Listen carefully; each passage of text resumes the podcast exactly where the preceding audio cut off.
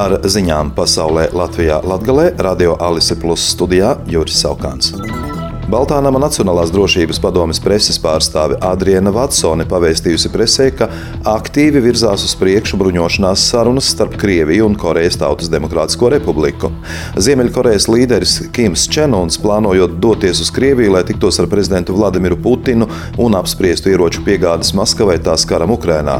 The New York Times raksta, ka Kims šā mēneša beigās visticamāk ar bruņu vilcienu dosies uz Vladivostoku, lai tiktos ar Putinu.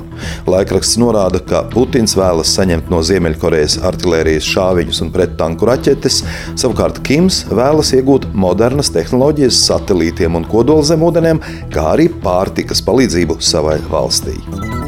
Tā kā situācija ar grupējumu Wagner algotņu klātbūtni Baltkrievijā stabilizējas, tad jautājums par Lietuvas valsts robežas ar Baltkrieviju pilnīgu slēgšanu zaudē aktualitāti. Tā paziņojas Lietuvas prezidents Gitāns Nausēda.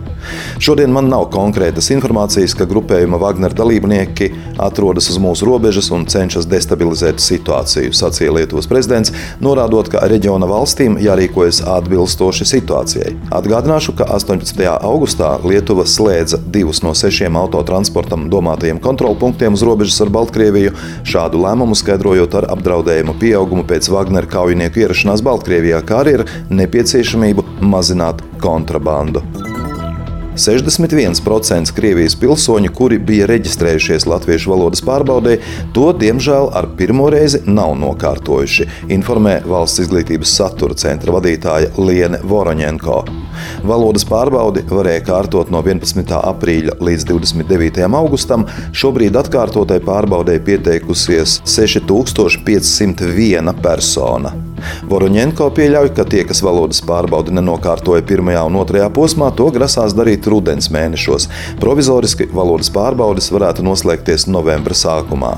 Saimas aizsardzības, iekšlietu un korupcijas novēršanas komisijas vairākums šodien izskatīšanai parlamentā nolēma virzīt iekšlietu ministrijas sagatavotos grozījumus imigrācijas likumā par to Krievijas pilsoņu valodas pārbaudes pagarināšanu, kuri jau būs izrādījuši iniciatīvu nokārtot pārbaudi, un tiem, kuri valsts valodas pārbaudi nebūs kārtojuši attaisnojošu iemeslu dēļ.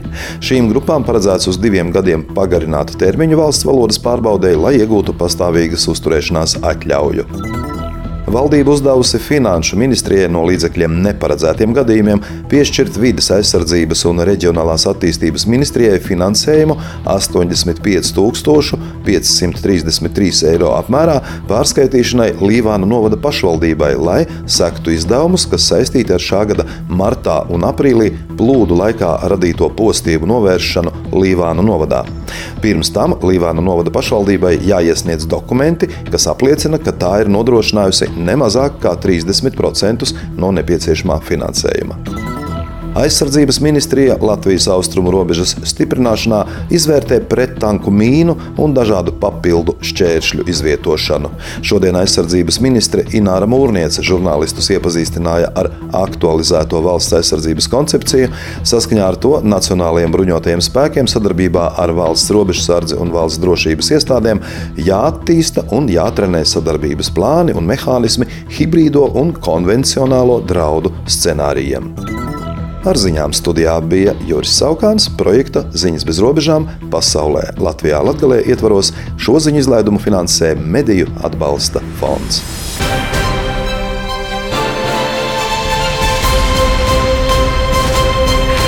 Alisa Plus.